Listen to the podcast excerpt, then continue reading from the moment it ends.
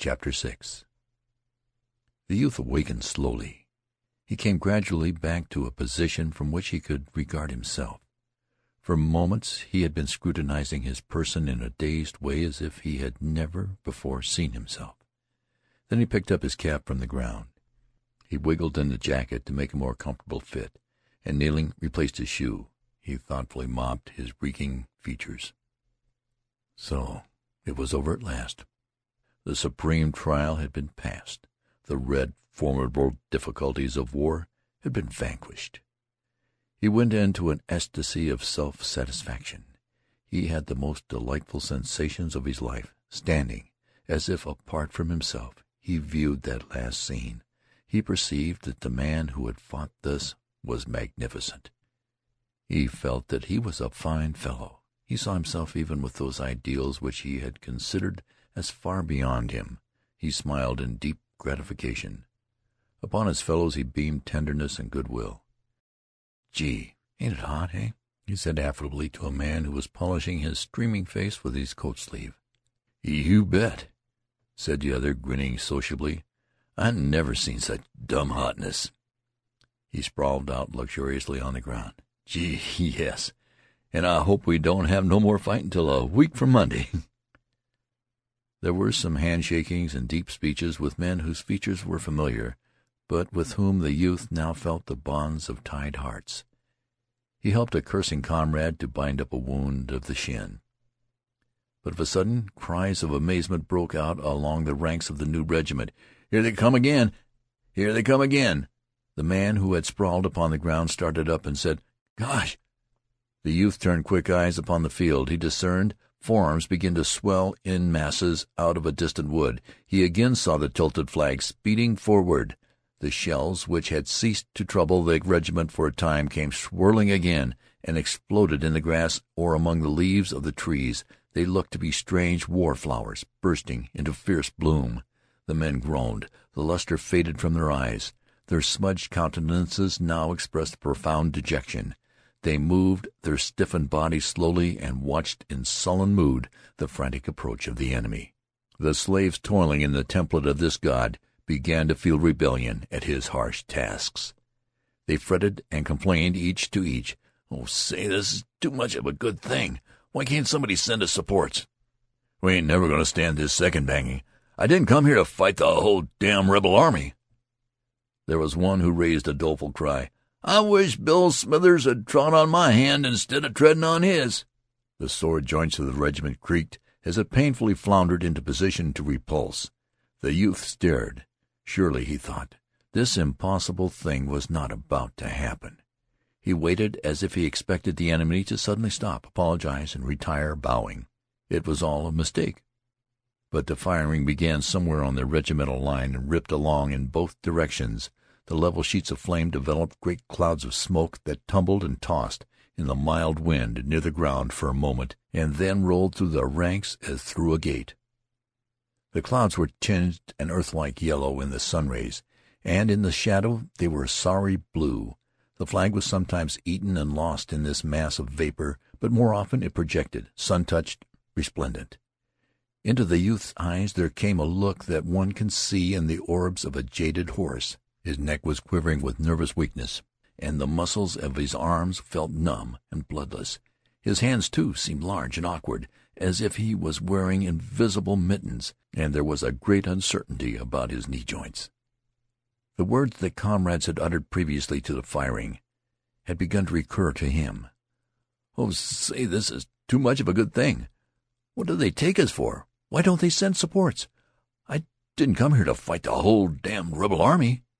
He began to exaggerate the endurance, the skill, and the valor of those who were coming himself reeling from exhaustion as he was astonished beyond measure at such persistency. They must be machines of steel. It was very gloomy struggling against such affairs, wound up, perhaps, to fight until sundown.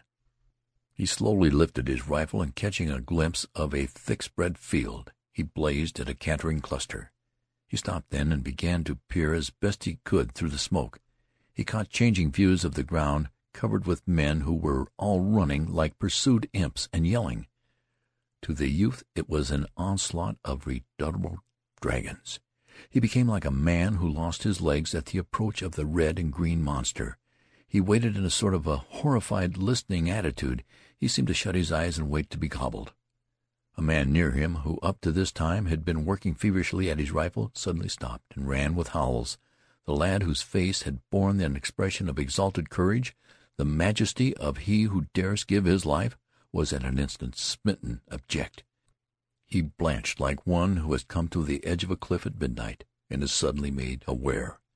There was a revelation. He, too, threw down his gun and fled. There was no shame in his face. He ran like a rabbit. Others began to scamper away through the smoke. The youth turned his head, shaken from his trance by this movement, as if the regiment was leaving him behind. He saw the few fleeting forms. He yelled then with fright and swung about. For a moment, in the great clamor, he was like a proverbial chicken. He lost the direction of safety. Destruction threatened him from all points. Directly he began to speed toward the rear in great leaps. His rifle and cap were gone. His unbuttoned coat bulged in the wind. The flap of his cartridge box bobbed wildly, and his canteen, by its slender cord, swung out behind. On his face was all the horror of those things which he imagined. The lieutenant sprang forward, bawling. The youth saw his features wrathfully red, and saw him make a stab with his sword. His one thought of the incident was that the lieutenant was a peculiar creature to feel interested in such matters upon this occasion. He ran like a blind man. Two or three times he fell down. Once he knocked his shoulder so heavily against a tree that he went headlong.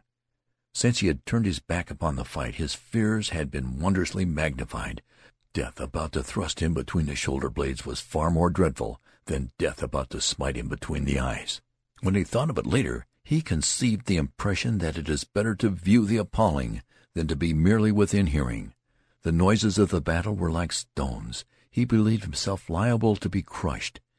As he ran on he mingled with others. He dimly saw one man on his right and on his left, and he heard footsteps behind him.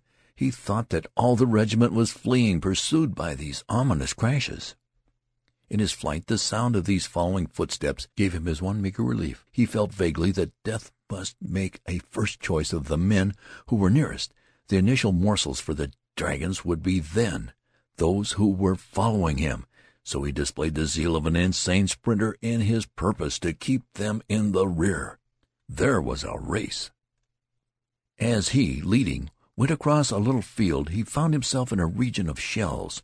They hurtled over his head with long, wild screams. As he listened, he imagined them to have rows of cruel teeth that grinned at him. Once one lit before him, and the livid lightning of the explosion effectively barred the way in his chosen direction. He groveled on the ground, and then, springing up, went careening off through some bushes. He experienced a thrill of amazement when he came within view of a battery in action. The men there seemed to be in conventional moods, altogether unaware of the impending annihilation. The battery was disputing with a distant antagonist, and the gunners were wrapped in admiration of their shooting. They were continually bending in coasting postures over the guns. They seemed to be patting them on the back and encouraging them with words. The guns, stolid and undaunted, spoke with dogged valor.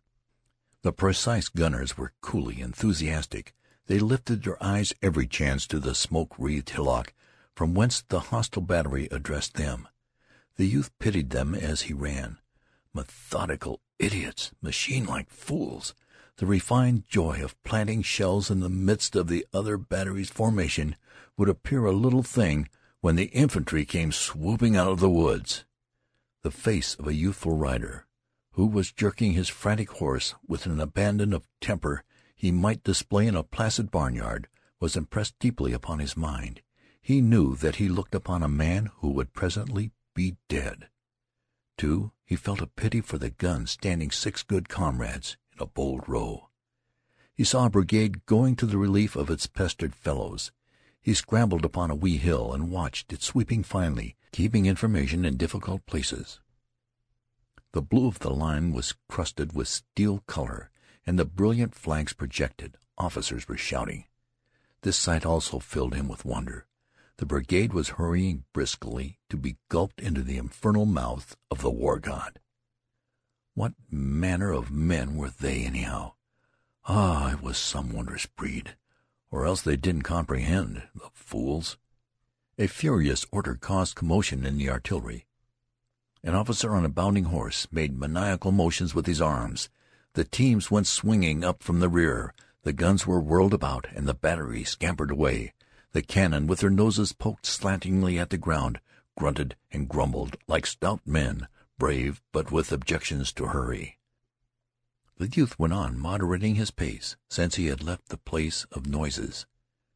Later he came upon a general of division, seated upon a horse that pricked its ears in an interested way at the battle. There was a great gleaming of yellow and patent leather about the saddle and bridle. The quiet man astride looked mouse-colored upon such a splendid charger. A jingling staff was galloping hither and thither. Sometimes the general was surrounded by horsemen, and at other times he was quite alone. He looked to be much harassed. He had the appearance of a business man whose market is swinging up and down. The youth went slinking around this spot. He went as near as he dared, trying to overhear words. Perhaps the general, unable to comprehend chaos, might call upon him for information, and he could tell him. He knew all concerning it.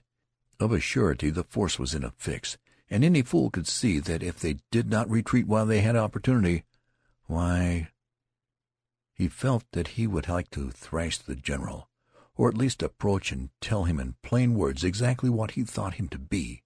It was criminal to stay calmly in one spot and make no effort to stay destruction.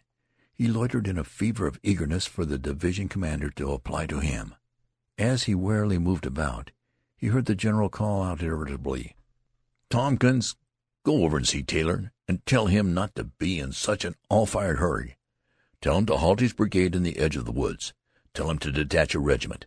Say I think the center'll break if we don't help out some. Tell him to hurry up." A slim youth on a fine chestnut horse caught those swift words from the mouth of his superior.